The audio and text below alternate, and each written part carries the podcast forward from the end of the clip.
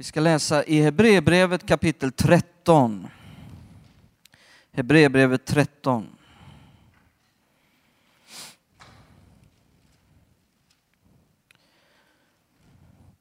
Låt oss be tillsammans. Himmelske Fader i Jesu namn. Jag tackar dig att du är här genom din helige Ande. Jag ber att du ska göra det som du alltid har gjort. Tala till människor. Tack att din ande är här. Tack att vi får höra din röst. Vi, vi är inte intresserade av att höra någon människas teorier eller filosofier. Vi har inte kommit hit för att söka någon människa. Vi är här för att söka dig, höra från dig. Och vi tackar dig att du talar. Eh, och jag ber att du ska göra det du alltid har gjort. Förvandla människors liv. Eh, människor som känner att det finns inget hopp, att det är mörkt, så ber jag att du skapar en förvandling eh, där det fylls, där livet fyller på med, där det, vårt liv fylls med glädje, med frid, med framtid, med hopp. Åh Fader, jag tackar att du ska göra dina gärningar.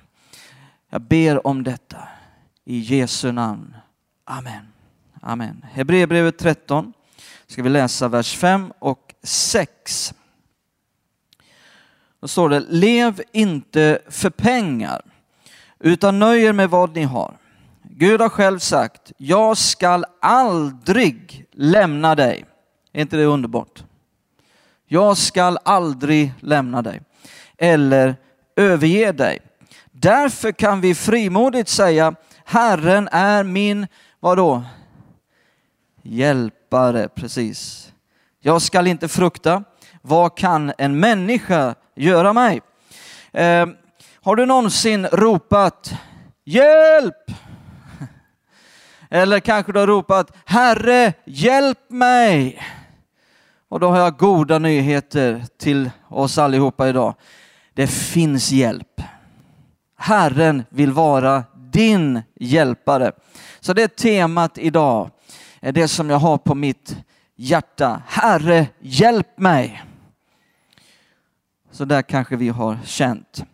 Det finns faktiskt en översättning, en engelsk översättning som lyfter fram vad som faktiskt står i den grekiska grundtexten här i vers 5 där det står jag skall aldrig lämna dig. Och, och lyfter fram att i, i grekiskan finns det faktiskt tre stycken negationer. Och översätter med jag skall inte jag skall inte, jag skall inte lämna dig eller överge dig. Så när du känner att Gud har övergett dig så har han inte det. När allting pekar på att han har övergett dig så har han inte övergett dig. Han är där, han skall aldrig, han skall aldrig, jag skall aldrig. Det står det tre gånger i den grekiska grundtexten. Överge dig eller lämna dig.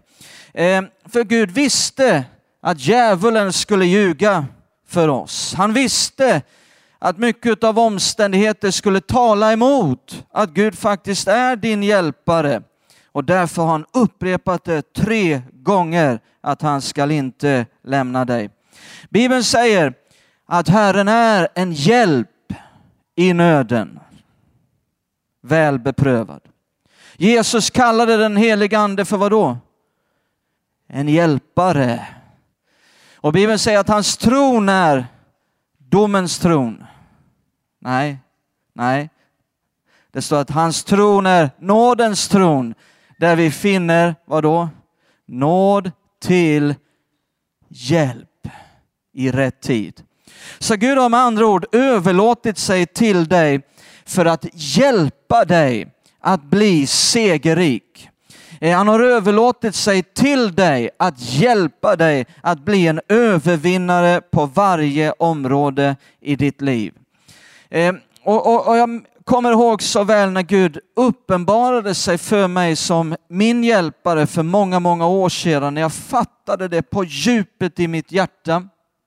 När jag blev frälst i slutet av 86 och upplevde kallelsen till att predika hans ord eh, så kände jag att jag ville förbereda mig så bra jag bara kunde för den uppgiften eh, som jag kände att Gud kallade mig till. Jag kände att jag ville gå på bibelskola någonstans eh, för att förbereda mig ordentligt och, och beroende på vem jag frågade i min omgivning eh, eh, så fick jag olika rekommendationer till olika bibelskolor och, och snart så hade varenda bibelskola i hela Sverige föreslagits på något sätt.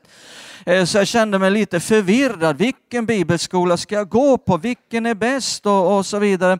Och till slut så bara landade det i, i att, att jag frågade Herren. Jag sa Herre, vilken anser du att jag ska gå på utav alla dessa i Sverige? Eh, och jag minns det så väl, exakt dag, exakt plats när Gud talade. Eh, I uppförsbacken mot Brickebacken där jag hade min studentetta, kom på cykel och plötsligt så är det som att Gud sitter på pakethållaren och jag hör en röst som talar någonstans ifrån, inifrån, bakifrån, jag vet inte varifrån den kommer, men en myndig stämma säger åk till Rema. Och det var så starkt så jag höll på att cykla i diket. Jag blev omskakad så här. Det var bara det att jag visste inte vad Rema var. Och jag visste definitivt inte var det låg. Så jag fick eh, ta fram någon karta och undersöka var ligger det här någonstans.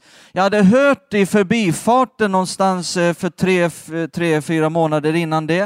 Eh, men jag visste egentligen ingenting om det och visste inte var det låg. Och det fanns inte med i beräkningarna på, eh, jag trodde att Gud skulle tala om någon av de här som hade föreslagits. Det var ingen som hade föreslagit den. Men jag visste Gud hade talat. Ingen blev glad. Inte ens de man skulle tro skulle bli glada blir glada. Ingen blir glad, ingen backar upp det här. Inte mina vänner, ingen släkt, ingen familj, ingen, ingen tyckte det här var bra. Men jag visste att Gud hade talat. Ehm, så jag började förbereda mig för det här och över ett år i förväg började jag förbereda mig för detta och sen när det började närma sig så började jag ett år senare strax över ett år senare när jag skulle åka iväg, jag var intagen, antagen vad man säger, så, så börjar min eh, familj, mina bröder och systrar och deras respektive och mamma och pappa, de börjar fråga mig, var ska du bo någonstans? Ja, det vet jag inte. För det här låg nämligen i Tulsa, Oklahoma i USA på andra sidan Atlanten. Jag sa, det vet jag inte. Ja, men vem känner du där? Jag känner ingen. Ja, men vem möter dig på flygplatsen? Det är ingen som möter mig, så. Allt jag visste var att Gud ett år tidigare hade sagt tre ord till mig, åk till Rema. Jag tänkte jag får göra det först, får vi se vad som händer sen. Så ja, ja, de trodde jag var skvattgalen. Sen åkte jag iväg. Och när jag sitter i TWA-planet någonstans ovanför Atlanten så är den där rösten där igen. Nu är det inte så att jag hör röster hela tiden, utan behöver inte vara orolig. Men det här var ett år senare, så det kommer ungefär med den mellanrummet kanske. Men eh, då är det precis som om det sitter någon i en flygplansstol bakom mig. Jag hör en röst, Herrens röst talar och säger Jesaja 1 och 13. Nej, Jesaja 41 och 13. Jag visste inte alls vad som stod där.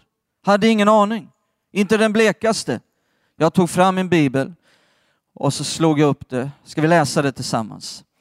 Jesaja 41 och 13. Jesaja 41 och 13 hörde jag. Så tog jag fram en bibel och så läste jag. Och så står det, ty jag är Herren, din Gud, som fattar din högra hand och som säger till dig, frukta inte, jag hjälper dig. Och då kände jag hur jag blev bara så fylld av tacksamhet till Herren och jag bara fylldes av glädje och förvissning i mitt hjärta.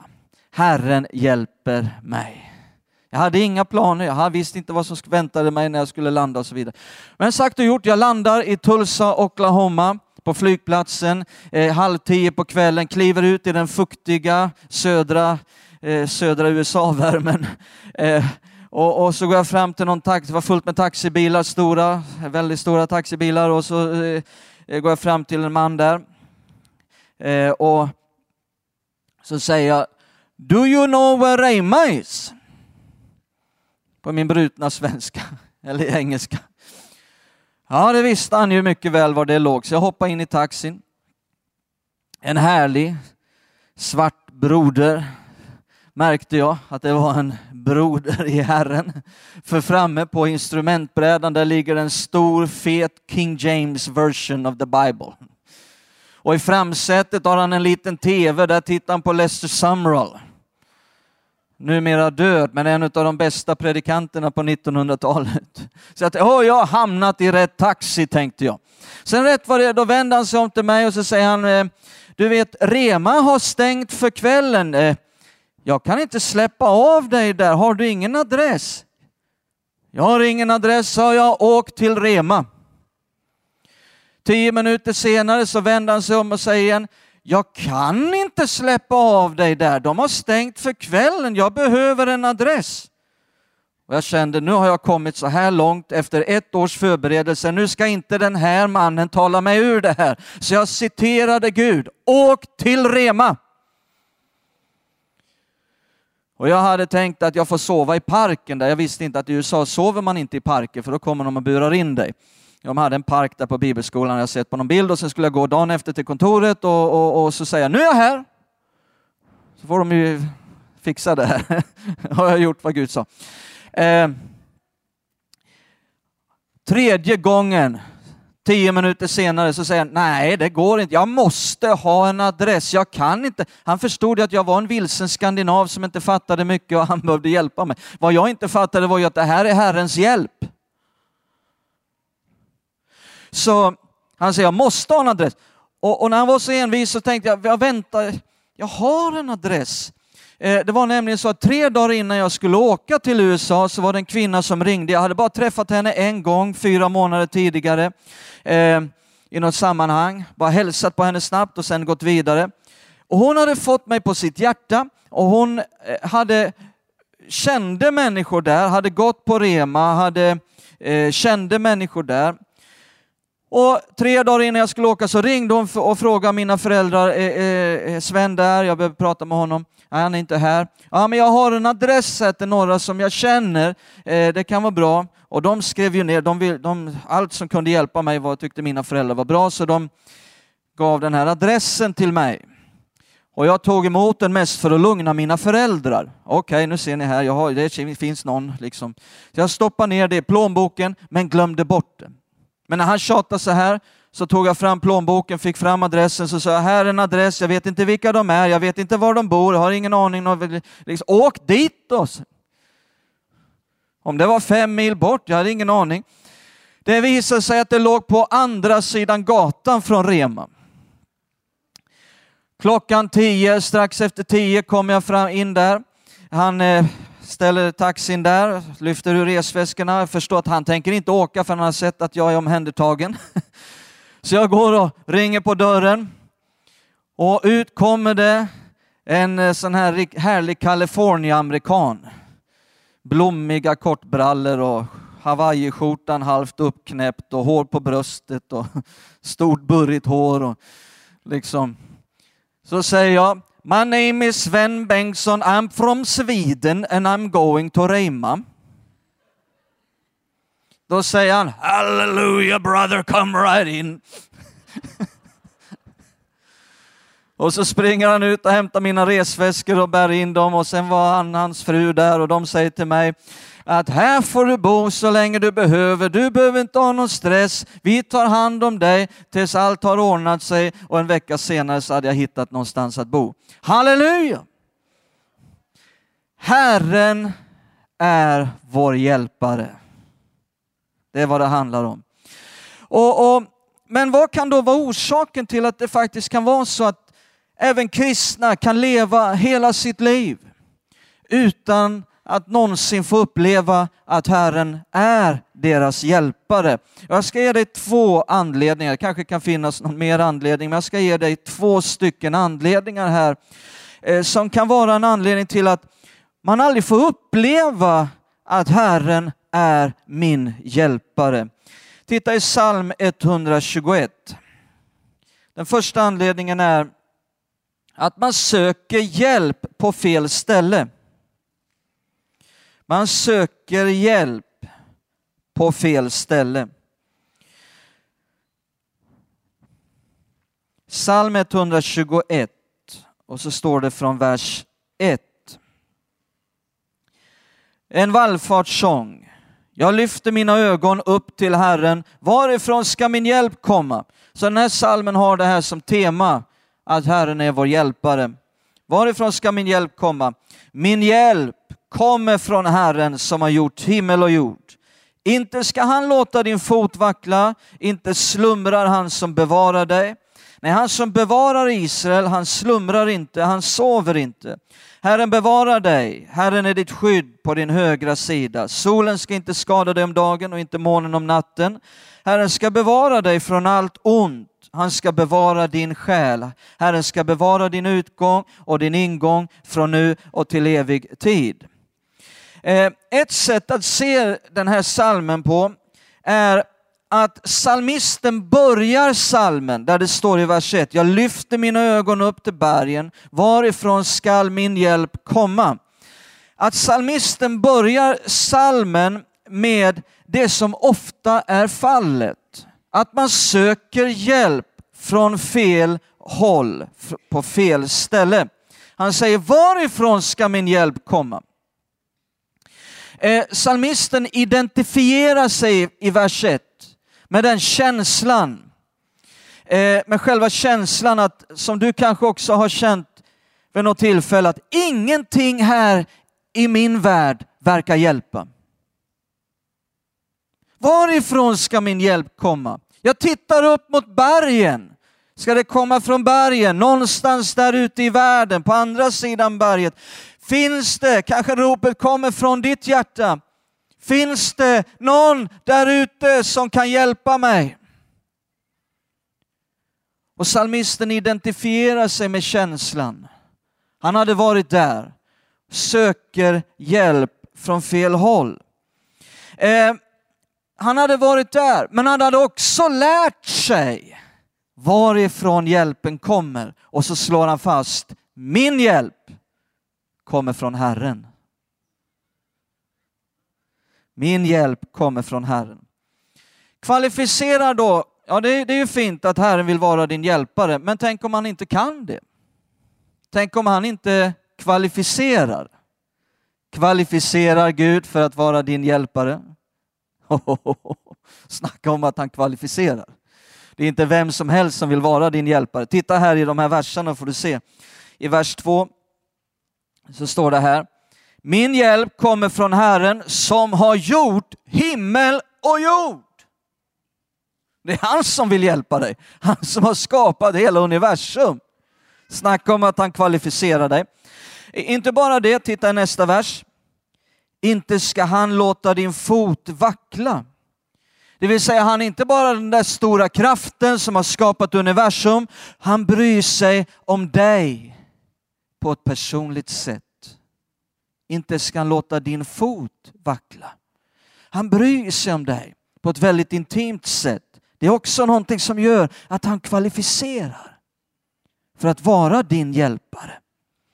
Eh, och sen står det vidare, titta det finns någonting mer här. I vers 4 så står det nästa vers. Nej, han som bevarar Israel han slumrar inte, han sover inte.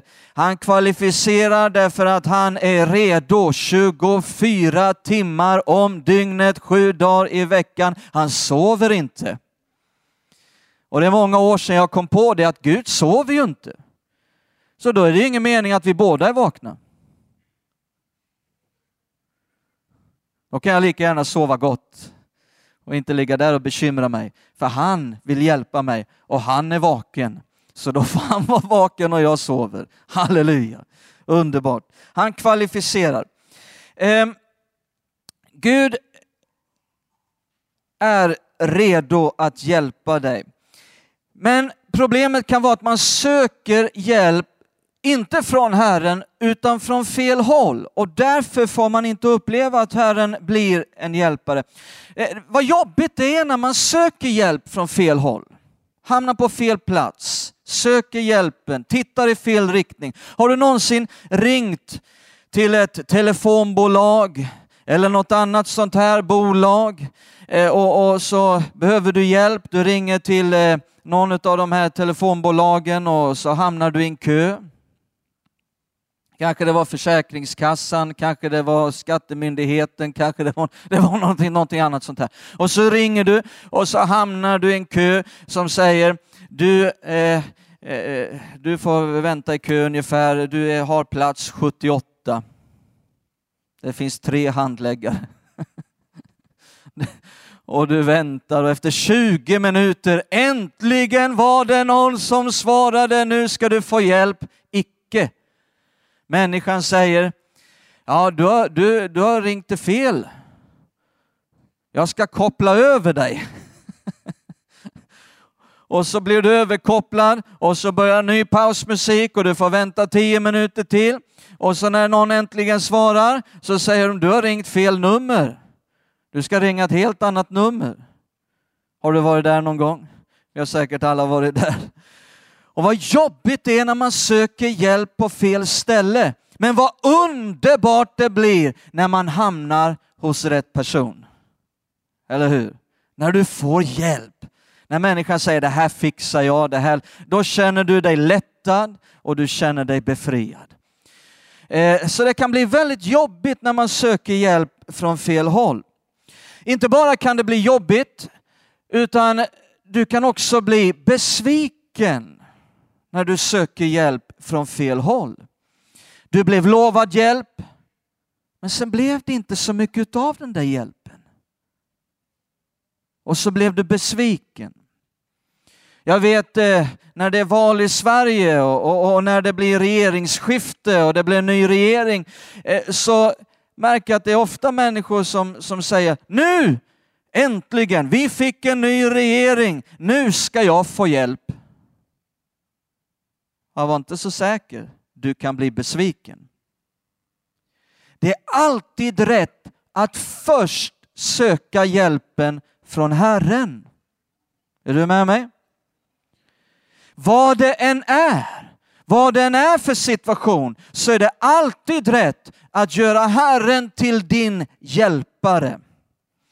Eh, du kan absolut behöva hjälp ifrån människor. Absolut. Men även om du behöver hjälp ifrån människor så kan du alltid se Herren som din primära hjälpare. Och det är när vi inte gör det utan vi tittar i alla andra riktningar utom till Herren som vi kan uppleva att det blir jobbigt, vi blir besvikna. Inte bara kan det bli jobbigt och vi blir besvikna, det kan till och med vara helt förödande att söka hjälp från fel håll. Titta här ska du få se Andra krönikeboken kapitel 25. Vi ska hitta två stycken kungar. Den ena sökte hjälp från rätt håll, den andra sökte hjälp från fel håll, så ska vi se hur det går. De här två kungarna heter Amasja och Ahasja. De var inte tvillingar. Den ena var kung i Israel, den andra i Juda. Har du hört talas om Amasja och Ahasja? Ja, jag visste väl det. Det är de du studerar varje söndag eftermiddag. Men eh, även om du nu vet allt om Amasja och Ahasja så ska vi studera det här lite grann. I Andra krönikeboken 25 så läser vi ifrån vers... Vi kan läsa ifrån...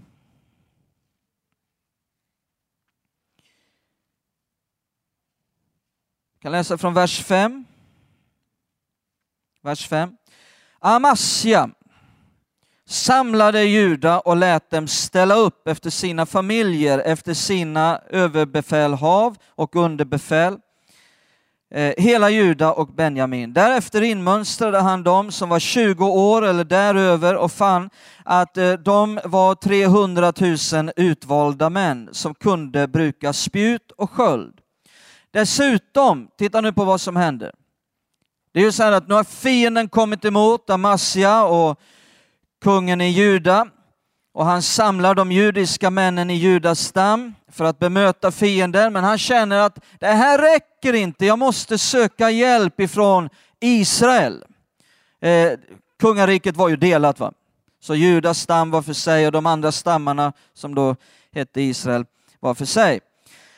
Eh, så han behöver, han behöver hjälp att möta fienden. Och då står det här i vers 6. Dessutom lejde han för hundra talenter silver 100 000 tappra stridsmän ur Israel. Men en gudsman kom till honom och sa, ser ni här, det kom en gudsman, lägg märke till det. Och så säger gudsmannen, O konung, låt inte Israels här dra ut med dig. Ty Herren är inte med Israel, inte med någon, några av Efraims barn. Efraim är ett annat namn på Israel. Det står i nästa vers, vers 8. Men gå du och stad. Gå du och stad, grip dig an verket, gå frimodigt ut i striden. Gud ska annars låta dig falla för fienden. Titta nu vad som står. Ty hos Gud finns kraft både att hjälpa och att skälpa. Så vad gudsmannen helt enkelt säger här, det är eh, du har sökt hjälp från fel håll. Du har inte sökt hjälp från Gud. Hos honom finns kraft att hjälpa. Men om du inte söker hans hjälp utan du vill stödja dig på Israel som Gud inte är med, så söker du hjälp från fel håll. Och det är inte välbehagligt för Gud. Så korrigera det här nu, säger gudsmannen. Sök inte hjälp från fel håll, utan sök hjälpen från Gud. Ty från honom finns kraft både att hjälpa, men också att skälpa. Och då står det i, i nästa vers, i vers 9. Amasja sa till gudsmannen, men vad ska vi göra med de hundra talenterna som jag har gett åt skaran från Israel? Alltså jag har ju redan gett bort en massa pengar, ska vi inte dra nytta av alla de här pengarna? Jag kommer förlora massa pengar. Gudsmannen svarade, Herren kan ge dig mycket mer än det. Underbart! Herren kan ge dig mer. Mer än ett hundratusen talenter, bara du söker hans hjälp. Och sen, vi behöver inte läsa alla verserna här, men vad som händer är att han korrigerar sig själv. Han vänder inte sin blick åt fel håll, söker hjälpen från fel håll, utan vänder sin blick. Gudsmannen kunde korrigera honom och så fick han Guds hjälp i striden. Men nu ska vi gå och se Ahasja, hur det gick för honom. I Andra Konungaboken kapitel 1. Andra Konungaboken kapitel 1. Och så har vi från den första versen Andra Konungaboken 1 och vers 1 så står det Efter Ahabs död gjorde Moab uppror mot Israel. Ahasja, nu är det Ahasja, kan alla säga Ahasja? Du kommer aldrig att glömma bort Ahasja och Amasja. Eh, Ahasja föll ner genom gallret i sin övre sal i Samaria och skadade sig så att han blev sjuk. Då skickade han efter, sänd, efter sändebud och sa till dem, gå och fråga Baal Sebub. Vem är det han ska söka hjälp ifrån nu? Kungen i Israel, inte från Gud, utan från Baal Sebub, en avgud. Gå och fråga Baal Sebub, guden i Ekron, om jag ska bli frisk från denna sjukdom.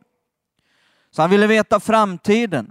Men han, han sökte i fel riktning, i en riktning som inte var välbehaglig för Gud. Så här, det här ska liksom, kungen i Israel borde veta bättre. Och då står det i vers 3, nästa vers. Men Herrens ängel hade sagt till tisbiten Elia, stå upp och gå ut och möt sändebuden från kungen i Samaria och säg till dem, är det därför att det inte finns någon Gud i Israel som ni går och frågar Baal Sebub, guden i Ekron? Därför säger Herren så, du skall inte komma upp ur den säng där du har lagt dig, ty du måste dö. Och Elia gick. Här har vi samma scenario. En kung som söker hjälp i fel riktning, på fel plats. Och så kommer en gudsman på samma sätt som för Amasja så kommer en gudsman och korrigerar och säger det här är fel. Du söker fel hjälp. Söker hjälp i fel riktning. Och vad hände här? Korrigerade sig den här kungen? Nej, han gjorde inte det. Titta i vers 16 och 17. Vers 16 och 17. Han sa till denne, så säger Herren, eftersom du skickade sändebud för att fråga Baal Sebub, guden Ekron, som om det inte fanns någon gud i Israel som du kunde fråga, Därför ska du inte komma upp ur den säng som du har lagt dig i, ty du måste dö. Och Ahasja dog enligt det ord som Herren hade talat genom Elia. Vi behöver inte läsa mer. Så vi har sett här att när man söker hjälp, inte gör Gud till sin primära hjälp, vad det än är, utan man söker hjälp i fel riktning, så kan det bli jobbigt, inte bara kan det bli jobbigt, man kan också bli nummer två besviken. Inte bara besviken utan nu ser vi också att det kan vara helt förödande. Det kan få fruktansvärda konsekvenser i en människas liv för att man inte sökte hjälp ifrån Herren. Så det här är den första anledningen varför människor kan leva ett helt liv utan att någonsin få uppleva att Herren är deras hjälpare. Jag ska ge dig en anledning till. Jag kan slänga upp den tredje bilden. Var inte en parasit. Var inte en parasit. Ja, men vad menar du nu? Ja, vi ska se. Därför att eh, många kristna kan tänka, ja, Herren är min hjälpare. Men de tror att Gud är deras hjälpare, men att det betyder att de ska inte själva göra någonting, utan han ska göra allt åt dem. Vet du vad man kallar en sån person? En parasit. Hallå? Eller hur? Vad är en parasit? Jo, en parasit är en sån här människa som lever på andra men känner inget ansvar att göra någonting själv. Har du mött någon sån någon gång? Som suger ur. Eh, du vill gärna hjälpa och du hjälper, men du märker att de är inte ute efter att hjälpa sig själva. De är inte ute efter att göra någonting utan de vill bara suga ur och när de har sugit ur det de kan så går de någon annanstans för att suga ur liv och energi ur någon annan. Men de är inte intresserade av att hjälpa sig själv, göra någonting själva som eventuellt kan ändra på deras liv. Har du mött en sån människa någon gång? Jag tror vi har gjort det, de flesta av oss. Eh, och man kan faktiskt få det här gentemot Gud. Har du märkt någon, någon gång va, hur svårt det är att hjälpa någon som inte vill hjälpa sig själv? Det är jättesvårt att hjälpa någon som inte vill hjälpa sig själv. Till och med Herren får svårt att hjälpa människor som inte tänker göra någonting utan de tror att Gud ska göra all, allting. Låt mig illustrera det. Ska jag kunna få kalla fram två stycken här? frivilliga som jag utser. Martin, kan du komma fram? Simon, kan du också komma fram? De är bra på teater. Nu ska jag illustrera det här. Hur svårt det är att hjälpa någon som inte vill hjälpa sig själv. Martin, kan du komma här? Och så sätter du dig här på första trappsteget. Och nu är det så här va, att du behöver hjälp. Vi ska gå igenom dramat här nu först innan det utspelar sig. Nu är det så här Martin att du behöver hjälp att resa dig upp. Du kan inte det. Du klarar inte av det. Och du behöver hjälp.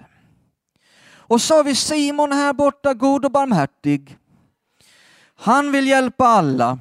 Så han är redo att komma och hjälpa stackars Martin som inte kan resa sig upp. Och nu ska han gripa tag och hjälpa honom. Men nu är det väldigt viktigt för det här dramat att du inte gör någonting. Du ska inte stå emot. Du ska inte försöka bromsa. Du ska heller inte göra någonting för att komma upp. Utan de här benen förstår du. Lyssna noga nu på dramainstruktören. De här benen ska vara slappa som eh, spaghetti som har kokat i 30 minuter.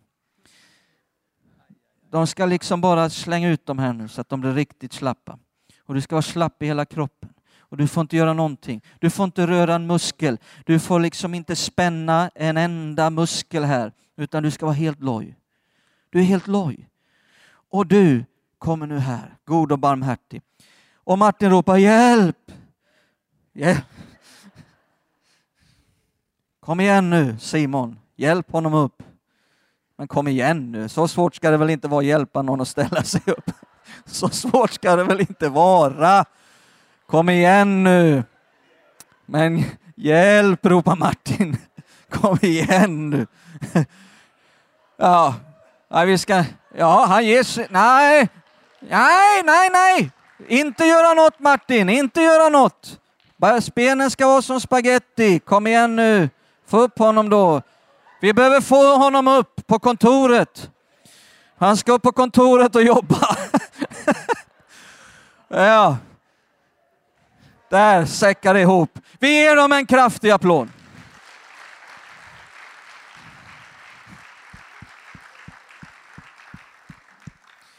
Vad svårt det är att hjälpa någon som inte vill hjälpa sig själv. Eh, Bibeln säger att Gud vill välsigna dina händers verk, inte sittplatsen för din bak.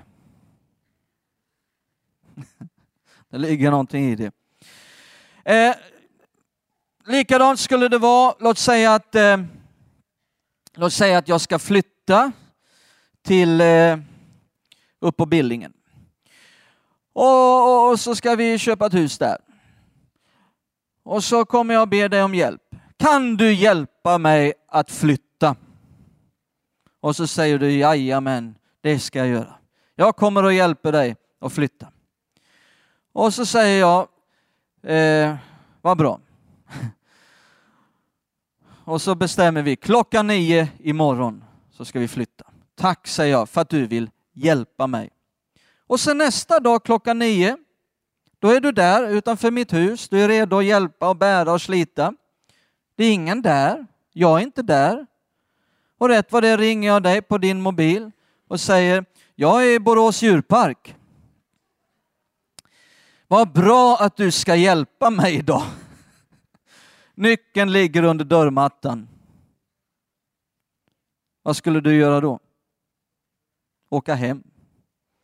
Därför att du kommer inte att för att göra det här i mitt ställe eller göra det åt mig, utan för att göra det tillsammans med mig. Och många upplever inte Herrens hjälp under hela deras liv, för de tänker att de ska inte göra någonting. De följer ingenting av Guds instruktioner för vad de kan göra eh, och därför får de inte uppleva det Gud kan göra. Är ni med? Många kristna har den här. Titta i Filipperbrevet 4 och 13. Filipperbrevet 4 och 13.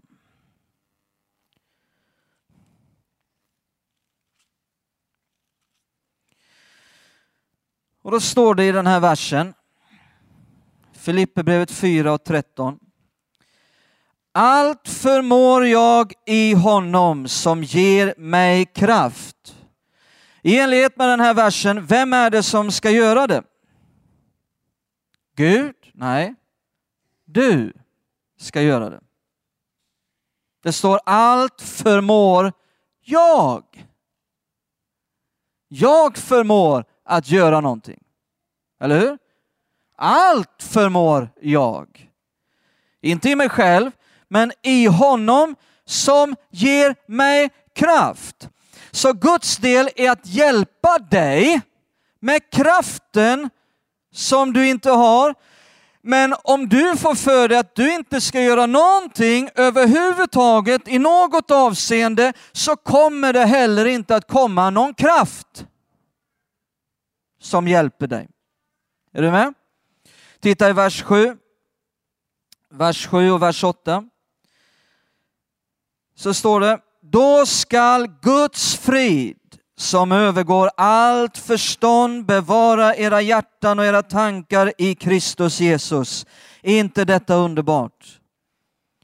Att Guds frid som övergår allt förstånd vill bevara ditt hjärta och dina tankar i Kristus Jesus.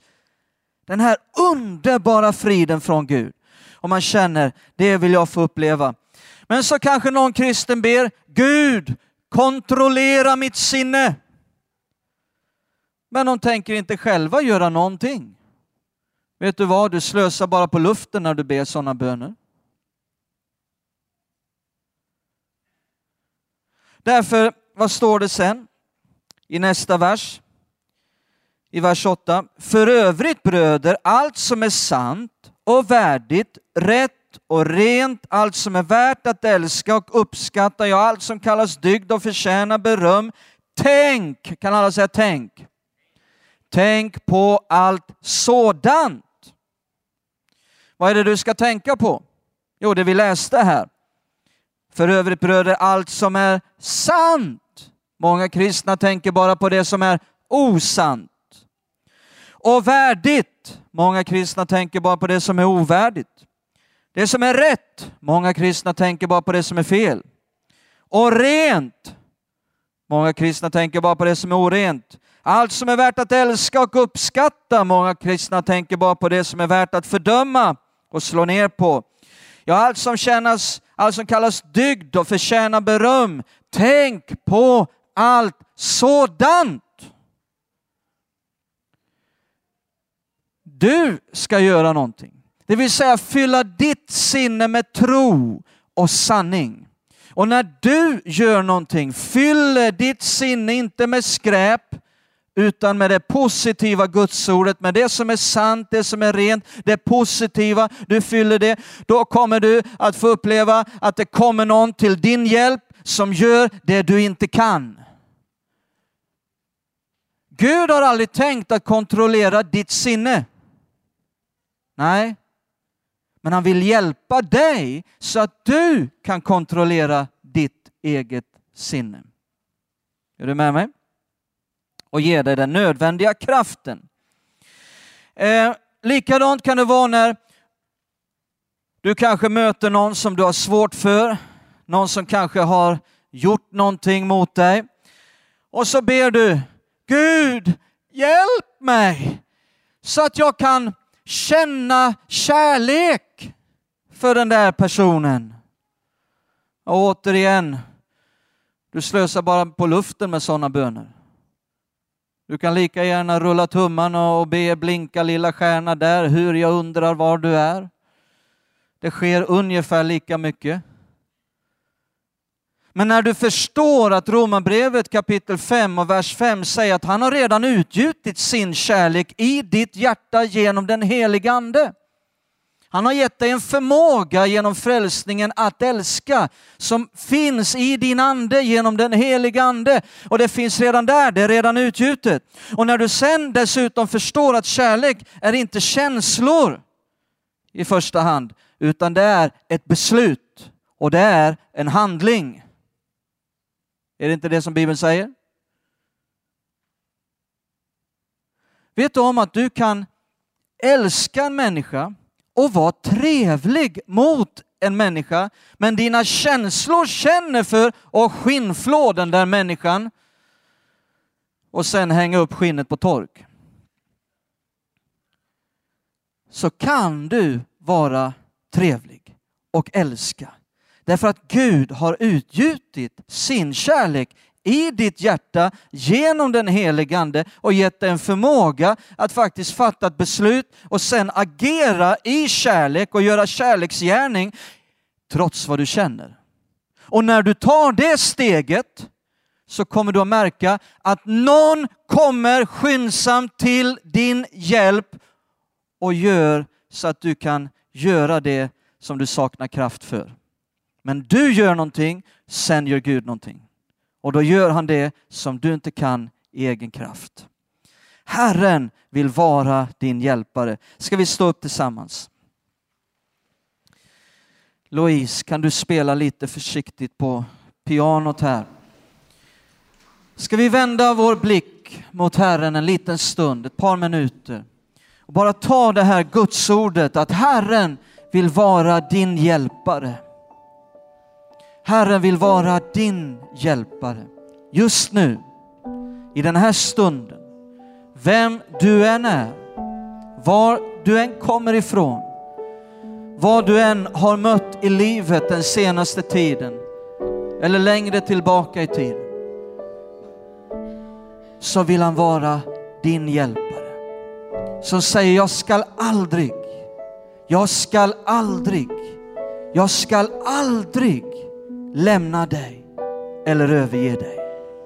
Han vill fatta din hand och säga frukta inte. Frukta inte. Frukta inte. Jag hjälper dig.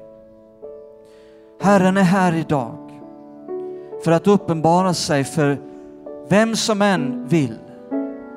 Uppenbara sig som din hjälpare. Vad det än är som du har i ditt liv som du känner, jag behöver hjälp med det här. Så är han här för att göra det. Vara din hjälpare. Han har skapat universum, han förmår. Han bryr sig om din fot. På ett personligt sätt bryr han sig om dig. Han slumrar inte, han sover inte just nu, han ser dig. Och han längtar bara efter att du ska lyfta din blick mot honom och säga Herre hjälp mig. Och då säger han, här är jag, jag är din hjälpare. Så allra sist här i mötet så vill jag bjuda in var och en som känner, jag behöver förbön idag. Jag behöver att någon ber för mig angående en konkret sak i ditt liv, vad det än är. Kanske du är sjuk i din kropp och känner att jag behöver hjälp. Jag vill inte ha det här längre. Jag vill få bli frisk. Kanske du är hopad med ekonomiska bekymmer. Kanske det är arbetslöshet som hotar. Kanske det är relationsproblem, sociala problem. Och du känner, jag behöver hjälp. Det kan vara någonting helt annat. Där du bara känner dig deprimerad. Något som binder dig och du känner dig ofri. Och du bara upplever, jag behöver hjälp med detta. Vet du vad? Gud har aldrig tänkt att du ska klara det i egen kraft. Han är här för att hjälpa dig. Den helige Ande är en hjälpare och han räcker till. Så jag ska göra en enkel inbjudan. Kanske vi kan få fram hela lovsångsteamet. Välkommen fram. Och så gör vi så här idag, gör lite annorlunda. Att eh, ni förebedjare gör er redo. Och du som behöver hjälp ifrån Herren, du kan bara komma fram och ställa dig här framme, framför scenen. Jag skulle gärna själv vilja be för dig tillsammans med våra förebedjare. Och så tar vi en stund av förbön. Och en stund av tillbedjan. Några minuter, inte så länge. Med ett par minuter så sjunger vi en, en enkel lovsång till Herren. Så är du välkommen fram. Varsågod. Ni behöver inte vänta längre. Välkommen fram.